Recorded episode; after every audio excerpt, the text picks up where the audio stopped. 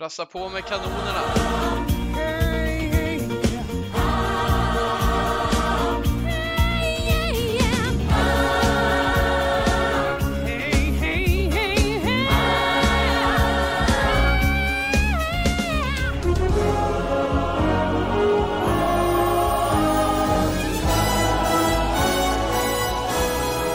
Äntligen vill jag börja med att säga är den här förbannade säsongen slut. Men eh, det kommer ett par avsnitt av Red Army Sverige-podden till i alla fall. Eh, Mikael, välkommen, hej. Hej, hej, tjena.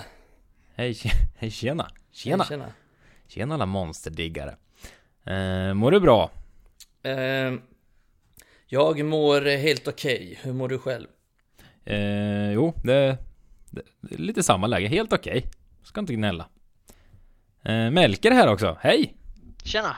Kul! Gästspel, du har varit med ett gäng gånger förr i podden, så de som har lyssnat, eh, de som är ordentliga lyssnare känner igen din röst får vi tro. Ja, stämmer. Skånska stämman. Ja, exakt. Vi har ju bara en massa skåningar tänkte jag säga. Det är ingen ordning med saker och ting. Du brukar ju vara sillykung också hos oss på Red Army, så du, eh, du och jag gjorde väl något avsnitt förra sommaren om det va? Vill jag minnas. Det Ja. kan bli, kan bli sommar igen. Jo men det stämmer nog. Ett, två avsnitt gjorde vi nu tror jag. Ja. Sånt. Nej, det får, får bli sommar igen, men eh, många, så fort vi skickar ut fråga så vill ju folk veta vilka vi kommer värva, men det, det är ju för diffust. Det har inte ens du spanat in några vi kommer värva än va? Nej, det är lite tidigt fortfarande. Mm, Kan man tycka. det är mycket diffusa rykten som florerar bara. Men men, vi får väl se. Vi spränger väl budgeten och tar Declan Rice och så blir det inte mycket mer. Säkert. Mm. Nej, nu ska jag inte börja i den tråkiga änden och vara pessimistisk. Jag, var ju, jag har ju varit optimistisk senaste avsnitten, men eh, Ja, du är så imponerad av Uniteds spel på sistone så att Mm. du har börjat bli optimistisk. Det är som att det har slagit slint för dig.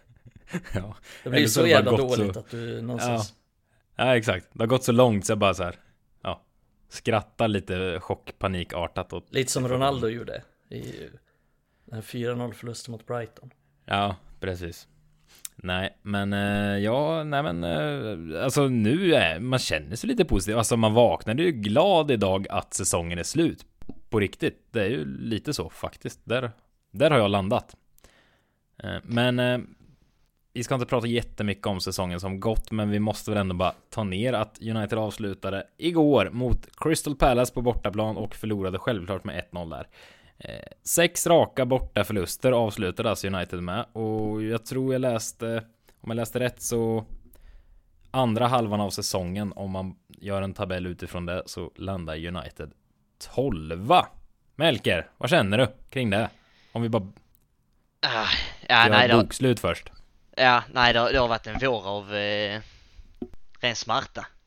Eh, och så pass mycket smärta nästan så att de sista matcherna så har man på ett sätt nästan slutat bry sig liksom. Man har förväntat sig en förlust. Eh, och det såg väl ändå lite ljust ut under Rangnick i början, men inte, kanske inte spelet, men vi fick ändå lite resultat med oss. Eh, men eh, sen den, sen jag var över i Manchester och såg eh, torsken mot Atletico, eh, så eh, efter det har det bara gått ut för helt och hållet. Ja, det var lite efter det som, som allt gick åt helvete på riktigt. Det såg väl, som du sa, det såg väl inte jättebra ut innan, men det var väl då det gick åt riktigt på helvete. Men, ja, nej, precis, sex raka förluster på bortaplan, det är ju faktiskt helt sjukt. Jag tror det var 2-17 i målskillnad också på de sex matcherna. Det är inga superlag vi har mött. Det var lite kul, vi la ut på, på Twitter så inför matchen mot Crystal Palace. Frågade hur, hur folket tror att det går och det var ju över 40% som trodde att United skulle förlora. Och det kände man, ja, det är helt rimligt. Jag trodde i och för sig att det skulle bli oavgjort men Men jag är inte förvånad över att det blev en förlust då. Det var väl aldrig riktigt nära att inte ens bli en förlust heller så. Nej. Nej, och det, jag- det är i princip samma, eh, ja, det är i princip samma trupp som liksom gick obesegrad på bortaplan en hel säsong under Solskär. Ja just det. Och det visar ju bara lite hur, hur mycket det verkligen har gått ut för både säsongen Mm. i sin helhet men framförallt våren. Ja men ja precis, det, nej, men det är helt sjukt alltså. Det är ju inte bara det att visst, det är klart det är mycket det att ja, men spelarna har gett upp och ja, men tränarna verkar också ha gett upp. Men det är blir helt totalt så här taktiskt utspelade. Vi, vi har inte en chans, alltså nu möter Brighton, vi, det, det är närmare 5-0 än det är liksom 4-1 i den matchen. Och vi inte en chans och de sista, säg, 10 matcherna så tvivlar jag på att det är många lag som är sämre än United i Premier League. Eh, det är väl kanske Norwich, Watford, möjligen Burnley kanske. Men annars så är fan United där nere och harvar de sista 10-11 matcherna. Det är så Mm. jävla dåligt har det varit. Mm. Men alltså jag, jag landade igår efter eh, efter ligavslutningen.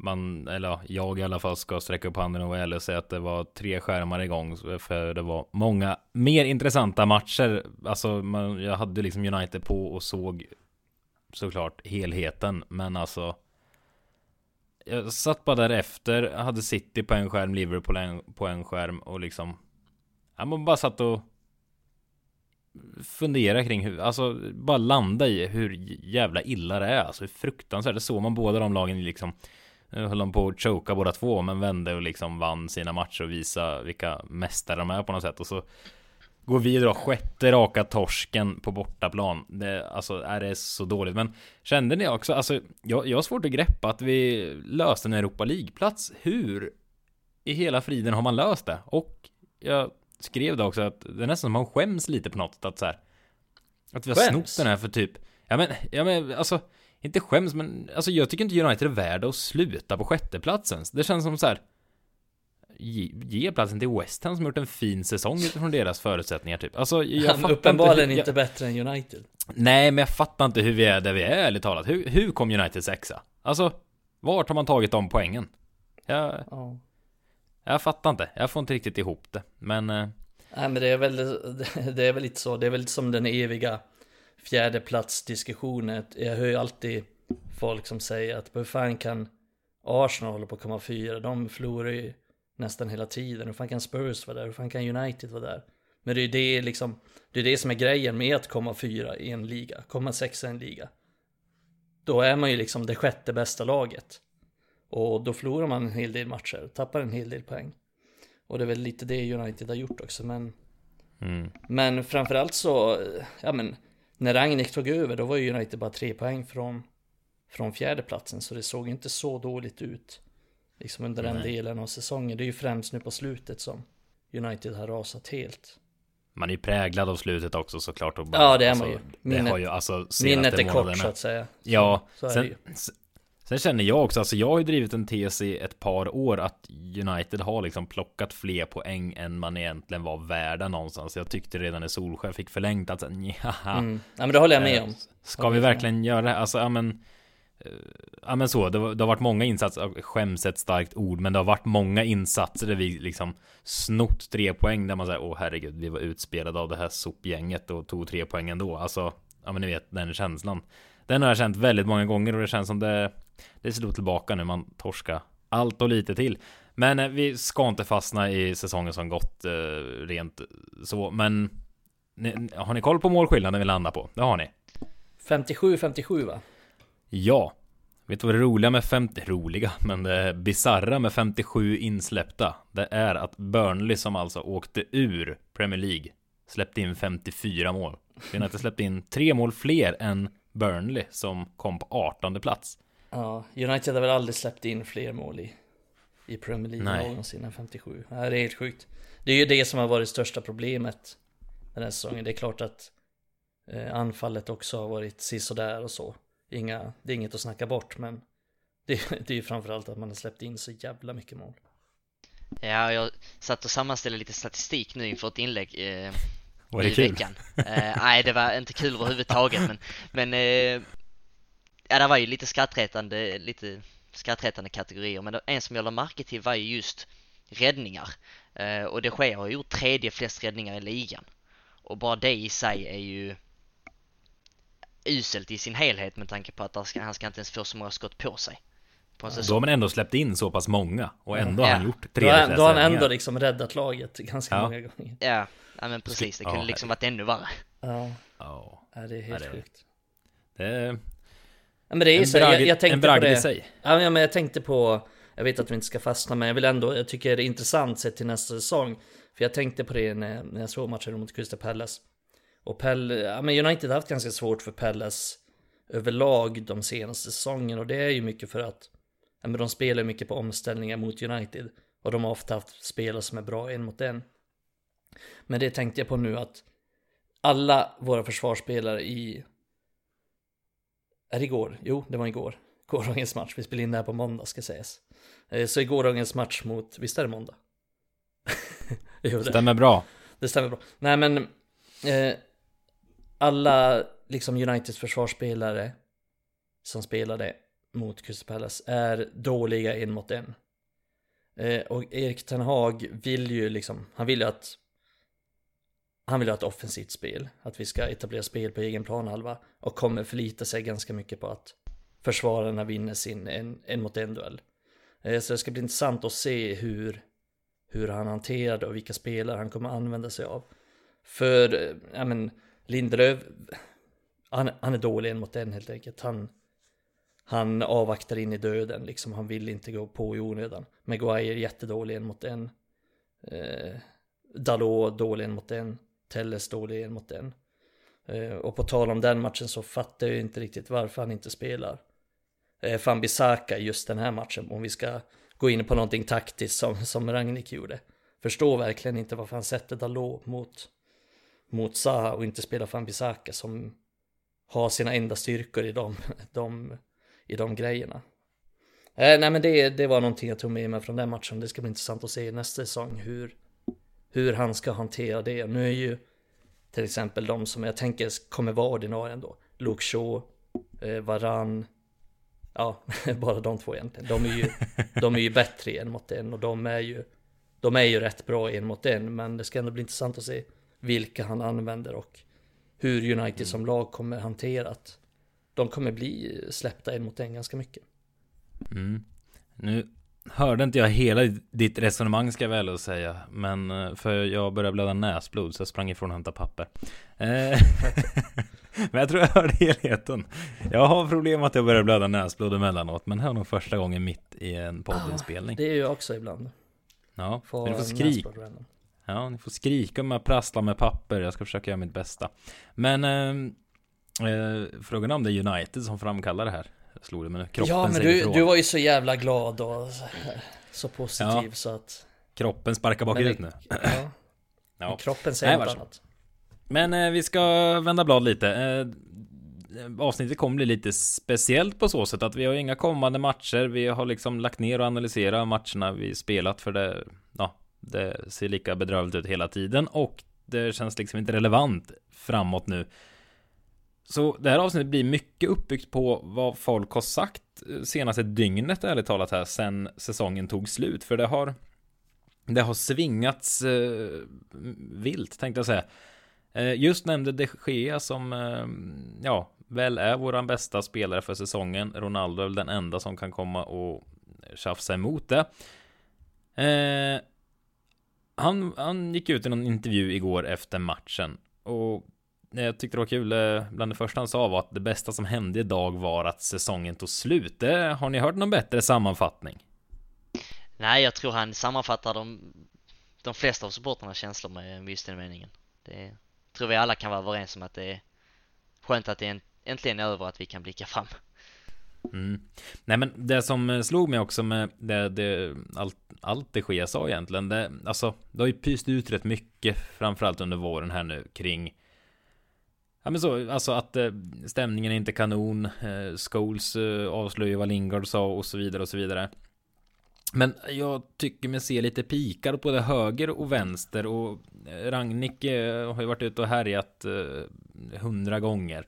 Och vi, Ten Hag har också blivit intervjuad här idag och vi ska gå igenom det också så småningom. Men alltså även det sker tycker jag han var ute och svingade bland annat gick han ut och sa att den nya managern och staben letar redan efter nya spelare. Förhoppningsvis tar de med sig spelare med bra karaktär. Alltså, visst är väl det supertydlig pik mot, mot lagkamrater, eller hur kan man tolka sånt på något annat sätt?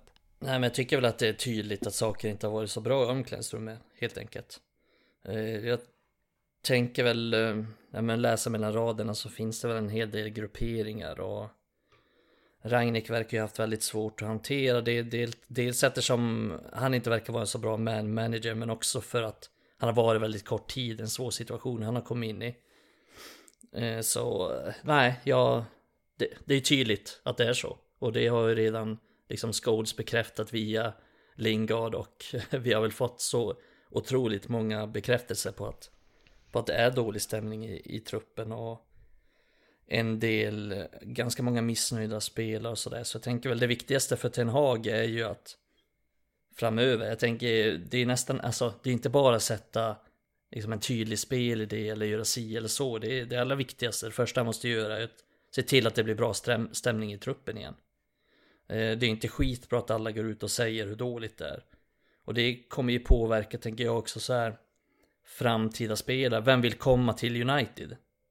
Vem vill spela för United? Vilken spelare vill komma hit? Det enda man hör är liksom att det är inte bara spelarna som säger att det är dålig stämning utan tränaren man har haft säger också att det är liksom att det är dålig stämning och att spelarna är skit och att allt är dåligt. Men Så- tror du de Gea går ut och säger det här för att liksom sätta ljus på det eller gör det för egen vinning eller varför? För han, det ska sägas i den här intervjun så han pratar ju verkligen som att han kommer absolut vara kvar till nästa säsong. Vad, vad, alltså vad vill han uppnå med det tror du? Mm, ja, bra fråga. Eh, det är ju lite, ja, lite för att rädda sitt eget skinn också såklart. Men också tror jag att det är någonting som har bubblat under ytan och att han liksom till slut blir det för mycket, han måste få ut det. För det är, tror jag, svårt för dem som spelar att Ja men vi har snackat om det tidigare, när Ragnik har hängt ut dem ganska mycket i media, så då tror jag det är svårt för dem. De vill också liksom säga sin version av hur de har upplevt saker, men de kan ju inte riktigt göra det. Så jag tror att det är mycket så här, mycket som har bubblat under ytan och de har inte riktigt kunnat få utlopp för sina tankar och sina känslor kring det och ja, det är väl lättare att kanske säga det nu efter säsongen än, än mitt under säsongen också för, för liksom stämningens skull och så. Så jag, jag tänker väl att det är någonting sånt. Han, har, han behöver få ut det. Mm. Eh, bara en sista litet citat från de Gea innan vi ska vandra vidare. Vi ska inte bygga allt kring det, men han uttryckte sig också eh, översatt här nu då, men att jag jobbade hårt i somras om jag ska vara ärlig för att komma hit och visa min nivå och hjälpa laget. Jag tycker att jag gjorde det bra, men det här är ett dåligt lag. Laget är dåligt, så det spelar ingen roll vad jag gjorde. Alltså. Ja, vad ska man säga Melker? Det är en, Ja. alltså, det är en sån jävla slakt mot allt och Ja, alla det på något sätt. rejält tydlig peak eh, och det är väl på ett sätt lite som Mikael sa att han, han vill rädda sitt eget skinn på ett sätt men samtidigt så, så tycker jag också att han, han har liksom rätt att säga det han säger för att han är som vi konstaterade innan en av de spelarna som en av få godkända spelare den här säsongen och en av få som kan hålla huvudet någorlunda högt i alla fall. Ehm, så nej, det, det är ju en extremt tydlig peak och vi ska väl egentligen vara glada att den kommer efter säsongen eh, än med några omgångar kvar. Men eh, nej, det är inget man förväntar sig egentligen. Och det är väl egentligen bara ett tecken på hur långt det har gått och hur, hur, eh, hur lång bit det känns som att vi har kvar för att vi ska komma tillbaka till där vi vill vara igen liksom. Mm. Eh. Nej, Ja men det, det är alltid, ja, samtidigt är det, det är nästan lite fult av honom också för även om han har varit bra den här säsongen så är det inte så att han är perfekt på något sätt och med tanke på hur svag han har varit tidigare säsonger till exempel så kanske inte han ska snacka allt för mycket heller. Han är ju också en sån, sån som verkligen har velat lämna tidigare också. Eh, och verkligen liksom pushat för en flytt. Men nu, nu tycker jag i och för sig att de Gea är en verkar vara och är en av de vettigaste i truppen på så sätt. Men jag kan också känna lite att ja, han, ja det kanske inte är rätt läge liksom att gå ut och snacka allt för mycket heller. Nej, men undrar om spelartruppen liksom Alltså undrar om de är så väl införstådda och insatta att, att han, när han säger så här, han vet vilka som kommer lämna och att det är de här rötäggen, alltså, eller rötäggen, men de ruttna äggen kanske man ska säga snarare. Alltså undrar om han är medveten om det eller om man bara svingar rakt upp och ner. Är det här en pik mot liksom, vad vet jag, Lingard och Pogba? Fast Pogba och de Gea är fan polare eller? Eller har jag fått för mig det? Ja, alltså Vad för att de umgås? Ja exakt. Många är så jävla anti-Pogba men jag, jag får inte känslan av att Pogba liksom är en av dem som som håller på med de här grejerna utan Nej, men att han har en uppsyn på planen som Ja man kan störa sig på som supporter folk kanske. gillar inte att han dansar liksom i omklädningsrummet. Men jag tror inte han sprider så dålig stämning. Det verkar som, alltså min bild är att han är ganska bra polare med, med alla i truppen. Och han kan liksom röra sig med alla. Jag får ju mer känslan så här, och det här är ju bara grundat på en känsla. Det är liksom inte grundat på någon fakta. Men att det är typ Jesse Lingard, kanske Dean Henderson, kanske Bailly den typen av, som inte har fått spela så mycket kanske. Som känner att de blir svikna av klubben. Lite, lite den typen av karaktär och lite den typen av spelare Mm. misstänker jag är, är de som har snackat mest i media och så här och skvallrat till media. Mm. Yes, vi ska lämna David de Geas eh, intervju därhän. Eh, The Athletic skeppade ut eh, ganska omgående efter slutsignal igår faktiskt. De har nog suttit och ruvat på det här ett tag. Eh, en väldigt, väldigt lång artikel i, eh, i The Athletic. Som, alltså vad ska man säga? Micke, du har läst hela vet jag. Melker, har du läst hela eller har du bara sett lite små, små Nej, jag, nej, jag har bara sett de här citaten som har kommit ut på Twitter typ. Ja, det räcker kan jag säga. Ja, misstänkte Men, det men eh, alltså, ja, Micke, du som läst hela eh, som jag satt mig och gjorde förut också. Alltså vad fan kände du när du bara, när det började komma ut? Ska, jag kanske ska sammanfatta lite kort för de som inte har sett. Alltså det var en, eh, vad ska man säga, en sammanfattning av Ragniks Ragniks tid i klubben och hans eh, gärning som interim manager och ja, vad som skett. Men Micke, vad kände du när du tog del av det här? Nej, jag känner väl att eh, Ja, jag har ju fattat liksom hur illa det är för det ser man på planen och det känner man av, man känner av stämningen. Men jag har inte fattat hur illa det är och liksom hur oproffsigt det är. Eh, Så det är väl mest det jag känner att det här är bland det sjukaste jag någonsin har läst. Det var- Det jag kände. Och jag kunde inte slita faktiskt. mig från artikeln. Jag började läsa och tänkte att jag har inte riktigt tid att läsa hela nu. Nej, Men jag kunde inte sluta här. läsa. Jag var tvungen var- att sitta och läsa allting. Det var så sjukt. Bisarrt är ordet som kommer till mig Ja, bisarrt Eh, ord. Fullständigt bisarrt vad, jag läste för något.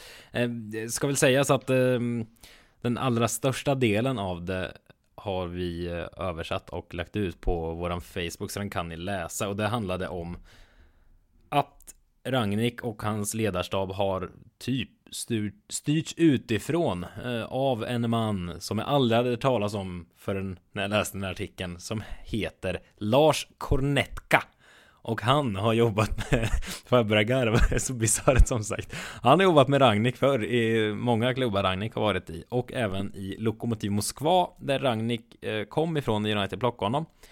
Men eh, Ragnik ville ha över den här snubben till United också som typ assisterande som jag förstått det. Men eh, han eh, ville vara trogen mot Lokomotiv Moskva och är kvar där.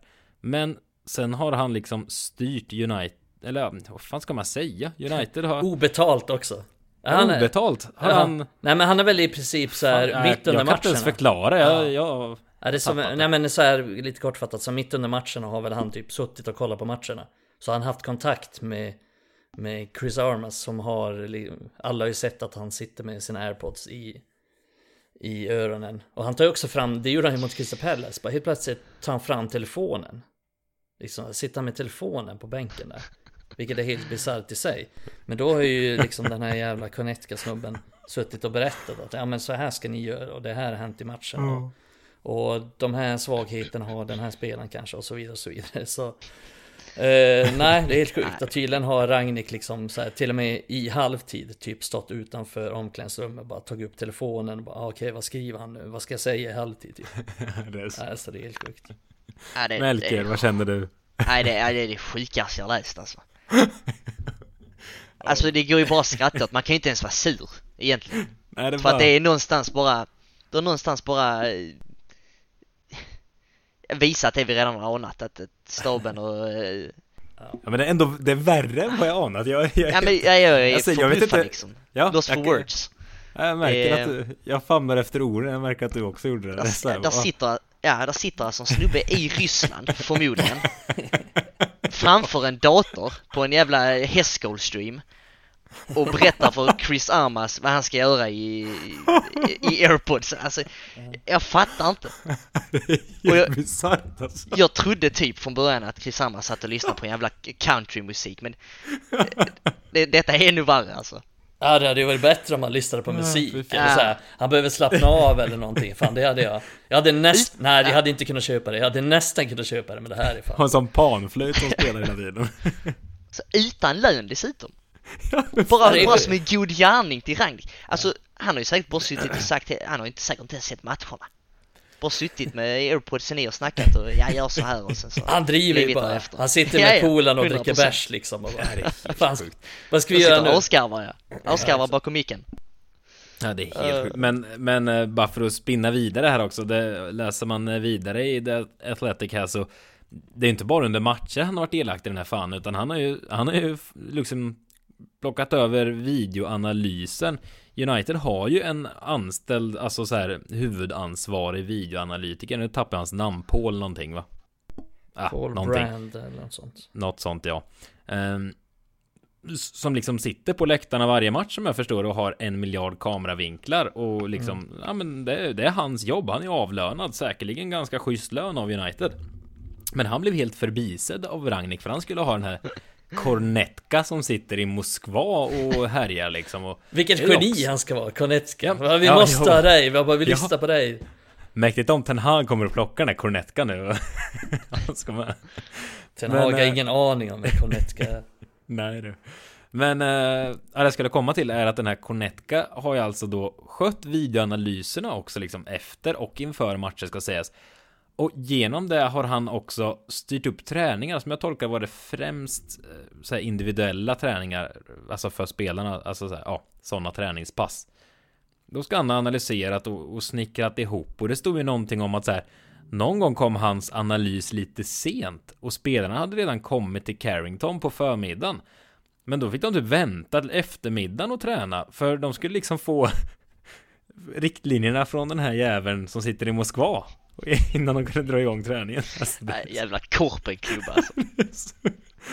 ja, det är så sjukt. Paul Brand hette han, an analytikern. Jag hade ju skrivit upp det här framför mig så är det. Eh, Men eh, är det så svårt? Men alltså det, det, det var ju så mycket mer i den här eh, Den här artikeln så det Det är svårt att greppa alltså, men jag rekommenderar alla ni som lyssnar på det alltså Lös ett konto på The Athletic. Jag tror det, det går nog så här, få gratiskonto i en månad eller något och sen avsluta det direkt. Eh, eller en dollar eller något sånt Tror jag det stod. Alltså det, alltså mycket innehållet, det var så Det var ju inte bara det som var bisarrt. Det var, det var ju någon detalj också att uh, han satte ju Mike Phelan på sidan till en början Ragnik för han litade inte på honom. Sen var det ju var det West Ham matchen så hade han sett att de bytte in eh, Fredrik som högerback eller något som är offensivt lagd. Och då hade han sagt att byt in Martial istället för Lingard För Martial kan pumpa på på kanten där och så avgjorde United genom den kanten. Och då Ja, kände precis. att Mike Phelan Han kan fotboll så då fick han komma in i värmen igen och dra på sig slipsen till nästa match. Krävdes mycket Fan vem som helst hade kunnat säga det egentligen. Nej man sa väl, eh, det tyckte jag var en ganska bra analys ändå av filen. Det är väl klart, alltså vi hånar ju filen alltid Men det är väl klart att han inte är helt dum i huvudet liksom. Han fattar ju ändå fotboll och spelar fotboll så här men eh, Nej men han sa väl att Lingard gillar att och anfalla mer centralt medan Martial vill dra ut på kanten och att det skulle öppna upp ytor och så. Så gjorde väl United, det var Rashford som gjorde målet men jag tror att Martial slog assisten, eller Martial var i alla fall inblandad i målet där han tog sig förbi på vänsterkanten. Eh, nej, nej men det är, nej men det alltså den här artikeln det är lite som en eh, trafikolycka så här. Man vill inte riktigt se här, men man kan inte sluta kolla. Man bara sitter helt jävla fastklistrad. Nej, det är Ja. helt sjukt. Jag sitter och försöker komma på fler eh, grejer som var ur artikeln men det, det har bara flytit ihop allting nu känner jag. Det, alltså, är så bisarrt. Och sen var det ju rolig detalj också där eh, eh, Var det Chris Armas var det va? Eller var det Sharp? Nej, Armas var det va? Som hade pratat med Sir Alex efter eh, matchen mot Young Boys tror jag. Och då hade han eh, berättat för Sir Alex om sina bravader som spelare och ledare i MLS, alltså amerikanska ligan. Och Sir Alex hade då tittat på honom med snett leende och sagt någonting i stil med att eh, det krävs mer än så här pöjk. Typ. Det säger någonting. Att, eh, ja, nej herregud. Nej, alltså. Jag uppmanar er starkt allihopa att komma över den här artikeln alltså, för det är det är något jag aldrig läst i hela mitt liv och jag tror aldrig jag kommer läsa det igen. Så fruktansvärt B United verkar ha skötts alltså. Det, nej, jag tycker alltså. Alltså fattar ni detaljen att man liksom. Nej, vi, vi håller på träningen för tysken som sitter borta i Moskva är inte riktigt klar här än. Ja, det, ja men det var fan det är ju. Det är ändå veta om. Okej, nu får vi lite mer detaljer, men vi har ändå veta om de här sakerna. Ja, men ändå. Sätt. Jag alltså, visste typ inte att det satt en tysk i Moskva och tittade på video nej, och berättade nej, nej, hur United skulle spela. Men de vet ju liksom, vem som helst hade ju fattat att man inte ger ut ett långtidskontrakt till Phil Jones eller Erik Bajy. Helvete. Men det är ju det är så den här klubben har skötts. Jo.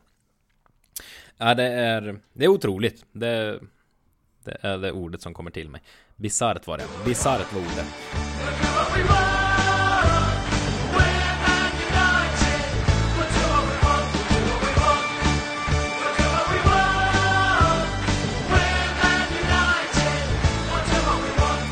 Om vi eh, kikar lite framåt istället. Eh, Erik Ten Hag eh, gjorde ju, vad ska man säga, idag sin officiellt första dag tänkte jag uttrycka det. Men i och med att säsongen är över så, ja, han är Uniteds tränare nu får man väl kalla det.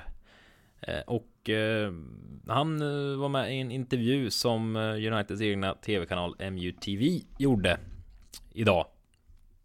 Och det, var lite piggare kan jag väl tycka. Och känna framtidshoppet igen. Vad...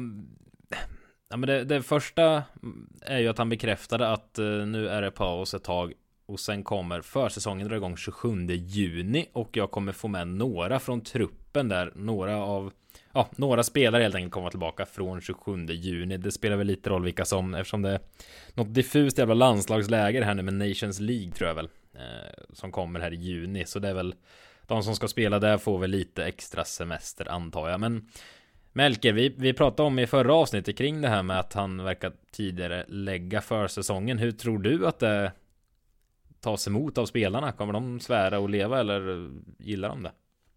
Eh, jag, jag tror det kan vara lite, lite både och, eh, beroende från spelare till spelare. Säg de Gea kanske kommer nog kanske vara nöjd med tanke på att han har redan gått ut och öppet sagt att han ser fram emot och att ja, lite så här men sen samtidigt de som tycker något annat eh, och inte gillar det och vill ha längre semester de ja, det skiter jag fullständigt i liksom. Det kommer de nu när de kommer tillbaka så ska det vara på Ten Hags eh, krav och hans eh, så som han vill ha det. Det är bara att lyssna och göra därefter.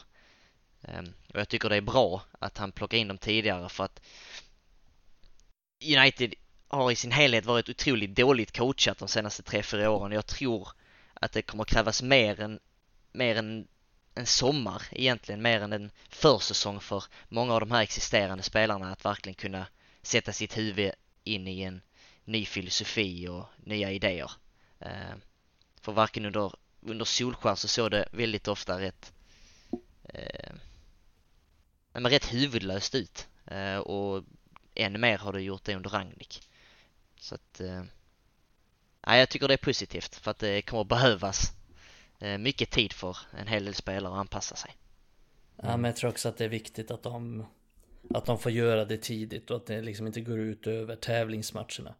För det, det kommer ju vara svårt att börja försöka sätta något, något spelsystem liksom i december utan det, det måste nästan sitta innan säsongen drar igång så att inte halva säsongen förstörs igen.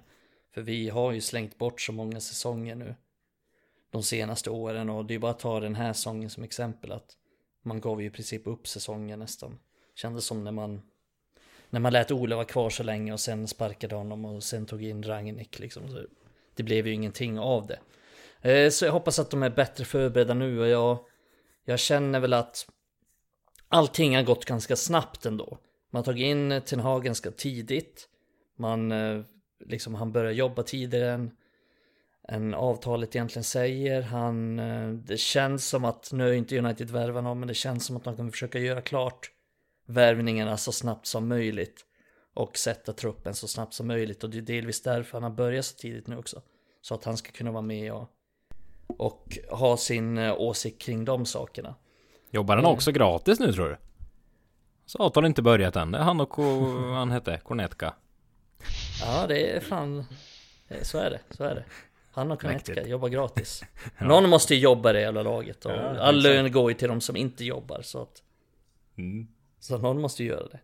Det ska väl eh, säga också, jag tror jag nämnt det i tidigare avsnitt också, men säsongen, eh, kommande säsong börjar ju ganska rejält mycket tidigare än vad det brukar, eller rejält mycket tidigare, men jag tror det börjar redan första helgen i augusti faktiskt, drar ligorna igång och det är ju med anledning av att det ligger ett eh, mysigt fotbolls-VM i mäktiga Qatar. Observera sarkasmen för de som ska hoppa på mig här nu. Uh, ja, det är ju VM i november-december. Eh, helt enkelt som gör det. Men eh, en, en tanke som slog mig bara så här, det kommer komma några spelare 27 juni där, är det sagt. Antagligen inte de som lirar landslag, vilket är de etablerade spelarna i princip. Slogs av en positiv tanke att det lär vara många av de här yngre förmågorna som dyker upp då eh, tidigt på försäsongen. Och det känns som de är inte präglade av eh, mörkret som varit i A-laget. Så de kanske kommer in och är liksom Ja men de är på hugget och vill liksom upp i A-laget. Så när alla dårar som eh, rullat tummarna här under säsongen i A-truppen kommer tillbaka sen så är det liksom satt en standard. Att det, det är världens fart där under Ten Hag på alla ungtuppar och så vidare. Har den spaningen någonting eller snickrar jag ihop den nu i mitt eget huvud bara? Nej men jag tror väl att det har någonting ändå. Och det är precis som du säger, det är enklare att påverka unga spelare som inte har, som inte är så inskränkta med eh, de tidigare spelsätten. Och vi har snackat tidigare, kanske främst internt om Bruno Fernandes, som att han ofta har kört sitt race. Och han kan bli svår att tygla.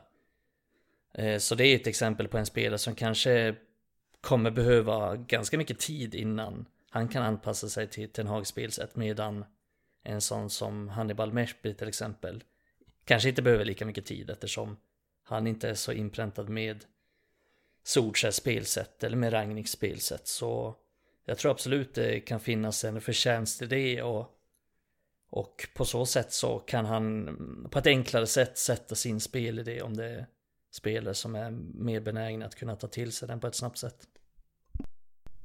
Mm. Eh, vidare så sa Ten Hag bland annat i intervjun också, flera gånger så var han inne på att eh, man ska ge allt och slåss tillsammans här nu framöver. Melker, tror du att det var någon form av peak liksom, eller vad man ska, peak kanske är ett starkt ord, men Ja men någonting kring att han har också identifierat hur det är i United nu att eh, laget liksom inte verkar kämpa för varandra eller för tränaren och så. Tror du det ligger något i det att han säger så? Ska ge Ja, allt det- och slåss tillsammans? Ja men det tror jag säkert för det är någonting, det är ingenting som vi har sett på hela säsongen eh, egentligen. Och han fick ju definitivt prov på det under matchen igår och på ett sätt, hur konstigt den låter, så är man nästan Snacka, snacka om det på jobb idag med en kollega att man är ju nästan glad att spelarna visar upp sin sanna karaktär inför Ten Hag igår. Eh, Mm man såg ju på läktaren hur han virrade på huvudet vid flertalet tillfällen liksom. Precis som vad fan har jag gett mig in på, gett mig in på men eh, Så på ett sätt är man nästan glad att de visade sin sanna karaktär för att säg Nu tror jag inte att han är så dum så att även om vi hade vunnit 3-0 igår det hade sett fint ut att han hade tänkt att oh vilket lag jag tar över men Jag tror definitivt att eh, Som du säger att det, det kan vara en liten pik med tanke på att för många spelare så har mentaliteten just varit ett problem denna säsongen och eh, vi snackade innan om sprickor i omklädningsrummet kanske och det gör ju också att spelarna kanske inte ger allt för varandra. Och det är någonting som jag tror den här kommer trycka på och kräva extremt mycket av. Att spelarna tar jobbet verkligen för att tar du inte jobbet så kvittar det nästan i mina ögon hur bra du är. Och jag tror nästan att Ten Hag tänker lite likadant. Sen är det självklart att de bästa spelarna kanske kan komma undan lite lättare på den fronten men överlag så ska det vara 11 spelare som gör allt för varandra från klubbmarket och gör man inte det så tror jag att eh, den här kommer sätta stopp direkt. Det är lite intressant faktiskt för jag lyssnade på en intervju med Steve McLaren i, jag tror han gjorde den i januari. Då var inte ens han påtänkt liksom för United-jobbet. Och då fick han ge sin åsikt på United när han ser dem spela. Och då tryckte han just på det, att han, han tycker inte att spelarna ger allt för varandra. Eh, för han fick frågan här tror jag, tycker du, eller liksom spelar spelarna för klubbmärket eller för tränaren? Då vill han vända på det liksom. Nej, jag tycker inte de spelar för varandra, sa han. Att det är det som är det största problemet. De tar inte löpningar för varandra, de bryr sig liksom inte om att hjälpa varandra på planen. Eh, så det kan definitivt ligga någonting i det. Eh, men sen tror jag också att han i allmänhet tycker att det är en viktig sak. Alltså han...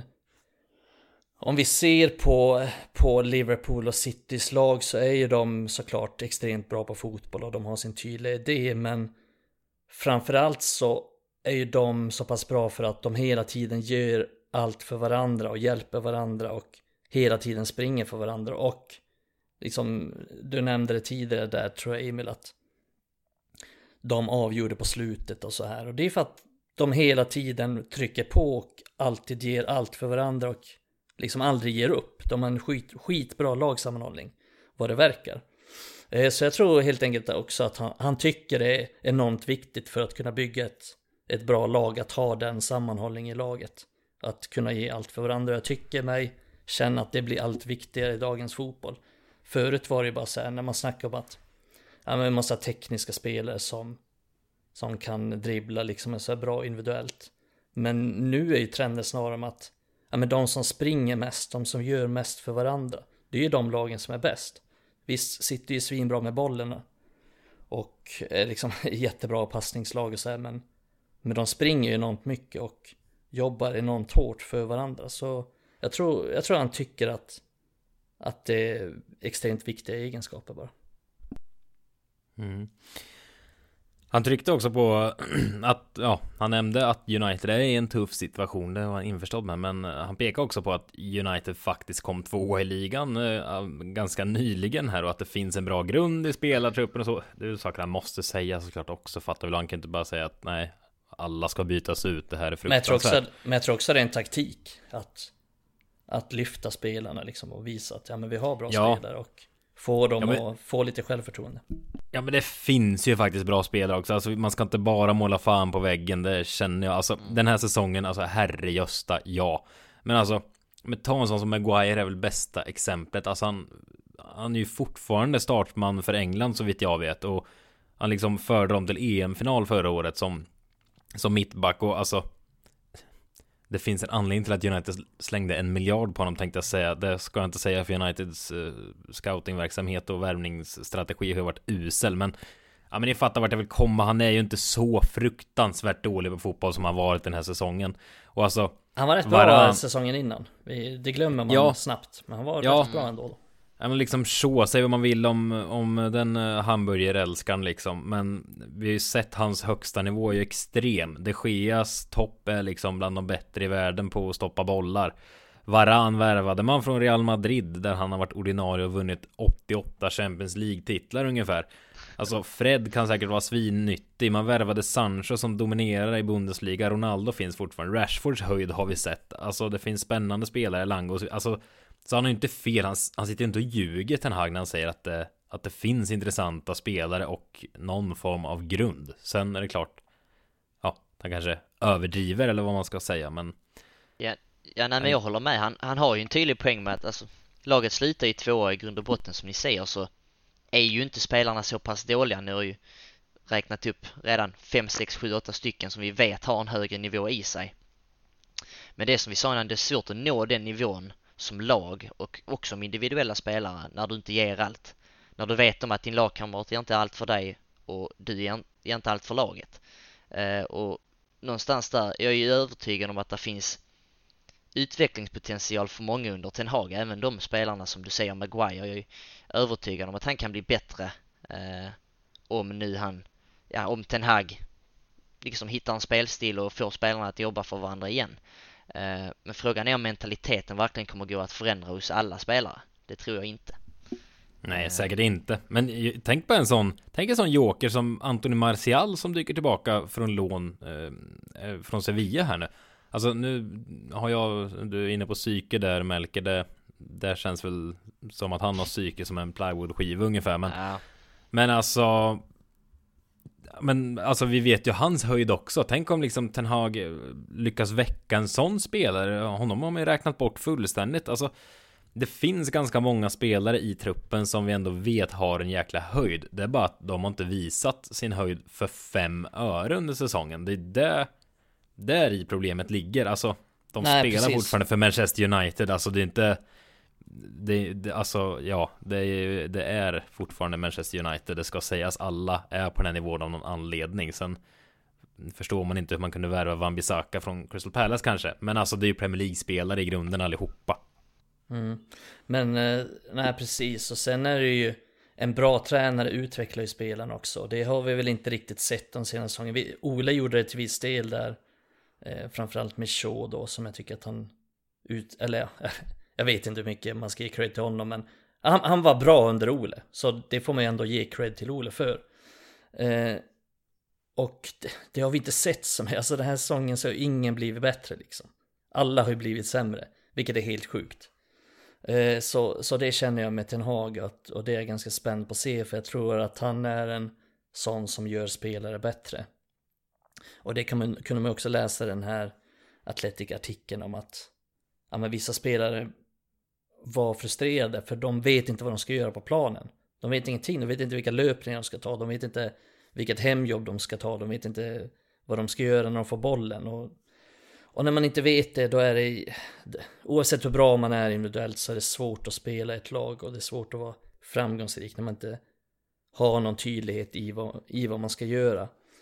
Eh, så det hoppas jag väl att Ten Hag kommer utveckla och på så sätt också kunna utveckla spelarna individuellt. För det är, det är många som behöver det och just Rashford är väl en sån spelare som som jag inte vill ge upp hoppet om än men som behöver ganska mycket coaching för att kunna bli bra nog för United i, i längden som det ser ut just nu. Men han har ju en del intressanta egenskaper som jag tror att man kan få ut ganska mycket av med rätt coachning. Den här uttrycktes uttryckte sig också som så att, att han vill spela dominerande och dikterande fotboll och var inne på att han spelar så i Ajax tror jag. Eh, men ja, alltså det, det vill han visst och låt säga nu att han eh, eller United liksom pinpointar, pinpointar tre, fyra spelare som man värvar in nu som ska passa in och så vidare. Tror vi alltså när kan man förvänta sig minsta lilla att han liksom har lyckats sätta prägel på det och man är lite dominerande och dikterande? Kan man, kan man tro det redan vid säsongsupptakten eller kommer det liksom dröja jättelång tid? En skitsvår fråga, det fattar jag med som är omöjlig att svara på. Men vad tror ni om man bara bollar med tanken? När, när kan han lyckas med det? Nej, men man hoppas väl på att det ska kunna synas direkt vid säsongstart och det är någonting som jag eh, har varit inne på tidigare, inte just poddsammanhang, men att nästa säsong för mig kan egentligen gå lite hur som helst. Eh, för att det var som Ten Hag också sa i sin presskonferens idag, att det är ett projekt. Eh, vi kan liksom inte snacka om att vinna ligan redan nästa säsong, även om spelarna och Ten Hag såklart kommer att gå för att vinna varenda match. Eh, men man vill ju se från start och under säsongens gång att det sker någon form av utveckling och för mig så gör det egentligen ingenting om vi gör en relativt bra säsong. Man ser utveckling på spelare, man ser framsteg, men att vi kanske mot förmodan hamnar femma för att där är redan så pass många topplag med topptränare som kanske redan har prä- satt sin prägel på, på respektive lag. Eh, men man vill ju inte se att vi hamnar på de platserna och att det sedan är samma problem som som i år, att spelarna kanske inte visar mentalitet eh, och det här, utan jag vill se från starten en tydlig filosofi och tydligt, tydligt spel att vi vill framåt och som du sa dominerande och dikterande att man verkligen får se liv på Old Trafford. Ja, men jag tror att Eh. han kan sätta sin prägel ganska snabbt. Om vi går tillbaka till den sista tränaren vi hade som hade en tydlig filosofi. För jag tycker inte att Mourinho hade så tydlig filosofi. Inte Ole heller. Inte Rangnick kunde inte implementera någonting. Och Moyes var lite oklar också. Men vi hade ju van Schaal och han satte egentligen sin filosofi direkt. Och ganska tydligt. Och United hade väldigt mycket boll hela säsongen. Sen gick det inte superbra ändå. Men det var ju inte för att han inte fick in sin filosofi, utan det var ju andra grejer som, som fallerade. Utan vi fick, vi fick ju in den filosofin som han ville ha. United hade mycket boll. Och nu ser ni inte mig, men eh, inom så här, dominerade matcherna. För det gjorde man ju. Och det är väl det jag hoppas att Ten Hag kan sätta ganska tidigt också. Eh, för det förväntar jag mig att, han, att vi kommer se ganska snabbt, redan i första matchen, att mm. det är ett annorlunda spelsätt än tidigare. Eh, sen håller jag med Melker om att men det behöver inte vara perfekt. Jag kommer inte sitta och skrika om vi förlorar de två första matcherna till exempel. Utan bara jag ser att det är på väg någonstans så är jag hyfsat nöjd. Men jag tror faktiskt, jag är ganska optimistisk inför nästa säsong oavsett. Så jag tror att det kommer gå hyfsat bra ändå. Det är inte så att jag tror att United kommer vinna ligan men, men jag tror att det kommer gå ganska bra. Och ja, men egentligen, kan det gå sämre än det har gjort den här säsongen? Knappast. Nej, eh, så, det kan inte. Nej, det, det, kan inte det. Så jag tror att det blir en förbättring oavsett och jag tror att han ganska snabbt kommer sätta sitt spelsätt, men att det inte mm. kommer vara perfekt. Nej. Utan det, det, kommer ta tid innan det blir men, precis så som man vill. Det jag tror alltså så här, sätta sitt spelsätt, ja alltså det, det, tror jag man kommer kunna se ganska tidigt. Sen tror jag det är svårt att liksom helt och hållet så att säga. Men alltså i början, jag kommer vara nöjd om man bara ser man ser att McTominay står inte passningsskugga hela tiden utan man ser oj kolla någon har instruerat honom under sommaren här att skott när en mittback har bollen då ska du undvika motståndarspelarna med vita tröjor. Du ska inte gömma dig i hans skugga utan då ska du gå på sidan här så du kan visa dig och få bollen. Även om du inte får bollen så måste den där killen täcka dig då så då kan en kompis till dig få bollen. Alltså sådana jävla basala saker vill jag bara se. För uppenbarligen har ju ingen berättat det för McTominay. Men McTominay är ett hopplöst fall. Ja, kanske. Men det är ett, det är ett bra exempel tycker jag ändå. För det är så tydligt att se Eller så här, Bruno liksom, ja, Bruno får bollen och värderar Sju av tio gånger värderar han rätt i första matchen nästa säsong när han får bollen och inte bara borrar ner och skickar en boll på chans utan ja, kolla. Ten Hag har sagt åt honom. Eller när han har slagit bort tre bollar efter en kvart i första matchen då ser man hur Ten Hag ropar till sig honom, pratar med honom och sen ser man att eh, Bruno i nästa situation håller i bollen och tänker till. Alltså sånt, eh, det räcker rätt långt för mig i, i höst i alla fall. Sen kommer vi in och kanske lyckas med någon januarivärvning också. Man liksom, då kanske man ska börja sätta lite högre krav. Men till en början under hösten är det sådana små grejer jag, jag är nöjd med. Och alltså se så här, det finns ett pressspel som som det finns en tanke bakom. Det, så låga är kraven. Men, ja, så äh, låga är kraven. Men det är, det är sant. Jag är, också, jag är också nöjd med det. Ja. Så. Får vi se någon slags enhetlighet i spelet och någon några mönster så är jag nöjd. Och United försöker spela offensivt så är jag nöjd. Mm. Sen kan vi bli fem eller sexa, det är nästan det är skitsamma höll jag på att säga. Det är inte klart det inte är skitsamma men fan blir vi femma och spelar liksom bra fotboll på vägen någonstans då känner jag att ja men fan nästa säsong så tar vi ytterligare ett steg. Ta, tar ni helst att liksom man krampaktigt råkar sladda sig in på en fjärde plats men man fortfarande känner att ah, herregud det här var ju bara individuella insatser och grejer som löste det. Tar ni det hellre än att komma femma om man ser liksom jättebra mönster och att det här kommer nog bli något bra? Jag tar det sistnämnda. Sistnämnda definitivt. Mm. Nej, jag håller med. Mm. Det är, det är liksom inte hållbar, hållbart att få hoppa eller komma in på en, trilla in på en eh, Champions League-plats som spelet ser ut som det gör. Det är kanske Nej. lite det vi gjorde under Solskär i ja. stunder. Och mm. vi vet hur det slutar. Med det sagt så tror jag också i och för sig att så här Alltså topp 4 tror jag verkligen, verkligen är görbart nästa säsong. Alltså Liverpool och City tror jag inte vi har en suck att nå upp till. Eh, eller det har vi inte. Det, det, skulle vara en bragd i så fall. Men eh, Chelsea så här, hmm, ja, äh, de kanske studsar tillbaka lite. De har ju knackat lite under våren här nu i, i, i ligan, men det, de har legat lite ensamma på tredjeplatsen också, så de tror jag blir svåra att nå upp till. Men alltså både Arsenal och Tottenham visst att båda de lagen ser ut att utvecklas lite, men alltså de kan vi rå på nästa säsong om, om Ten Hag bara får ihop det här hyfsat. Det är inte det är inte två berg att bestiga. Det, tycker jag verkligen inte. Fruktansvärt ojämna lag och smal, eller vad säger man? Säger man smala trupper när den inte är bred? Ja, smala Tunna. trupper. Nej men Tunna, precis, tunn vi, trupp. precis, vi snackar om ett Arsenal som, som liksom inte har haft något Europaspel överhuvudtaget och ändå liksom åkt på 12, 12 förluster tror jag att det är. Och nu har de med sin, med sin smala trupp, självklart så kommer de väl också att förbättra sin trupp lite i sommar men med en aningen smal trupp och sen ha Europaspel på det också, det är ju absolut ingen garanti att de kommer eh, gå topp fyra. Håller väl med när du säger att chansen finns där, tror jag definitivt. Mm, ja, vi får se vart vi landar helt enkelt, men det pirrar lite. Men eh, ska bara säga det också att det har ju blivit officiellt nu. Vi pratade om det i förra avsnittet, Micke, du, jag och Adam. Eh, att eh, det är officiellt att van der Gag och McLaren är klara som assistenter bredvid Ten Hag. Känns väl bra också att det är satt tidigt och klart. De satt igår ihop på Selhurst Park. De har, de har jobbat ihop tidigare, borde vara ganska bekväma i sina roller. Det, och Ten Hag liksom fått ja, handplockat ut de här två gubbarna. Så det, det känns väl bra, eller vad, vad tror ni? Jag, jag, jag känner alltså så här.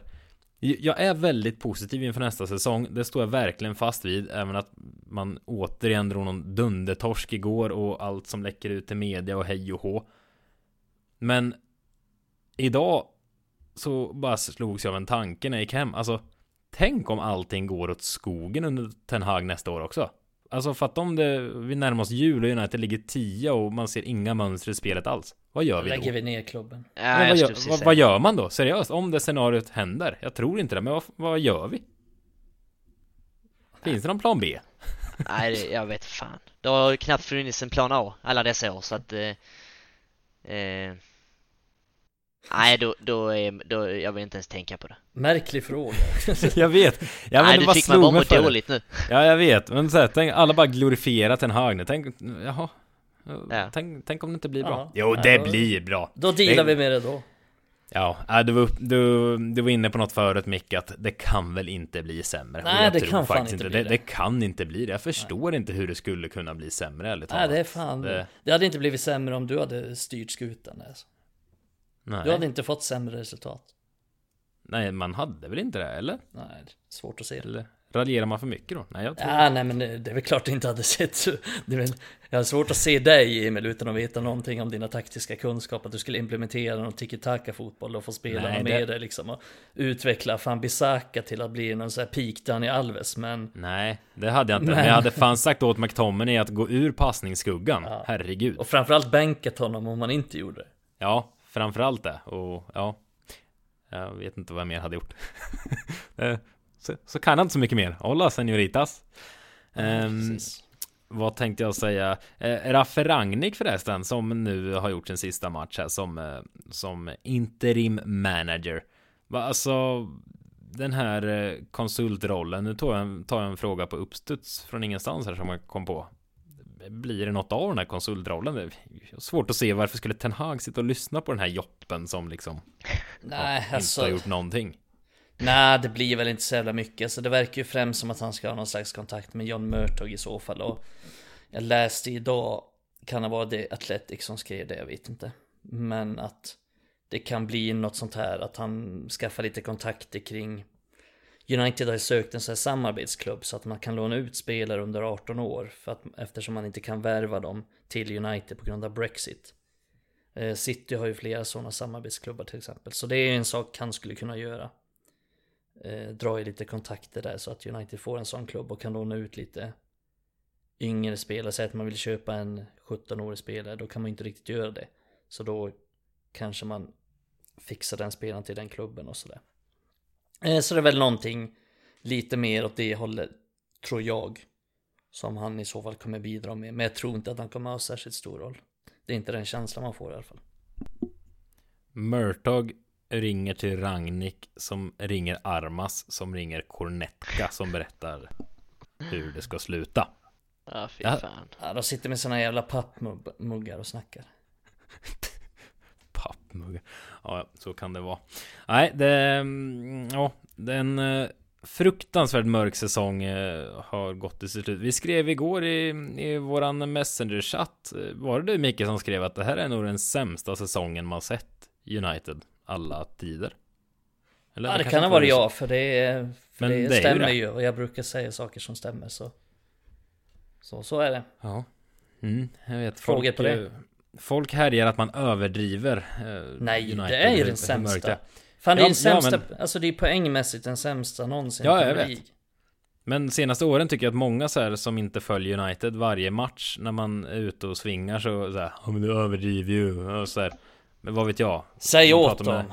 Säg att de ska hålla käften bara. Pratar man om svensk Liverpool-supporter nu de som de är ärligt talat en märklig sekt Men de kan ju vara så här, åh hos Liverpool för några år sedan, vi var nere ännu Vi slutade ännu lägre Men någonstans är United ännu sämre Det är svårt att sätta fingret på exakt Men vi har ju dyr, alltså vi har ju Liverpool hade ju en massa skitspelare då. Ja, Och de har ju aldrig haft samma ekonomiska muskler som United har. Vi har ju typ Alltså den näst dyraste truppen i hela världen. Och presterar så här sluta. dåligt. Nej, Ja, nu, det ju nu, ja men nu blir det ångest igen här Melker håller på att krevera för fan i det Nej, jag, jag somnar snart. Jag orkar inte med.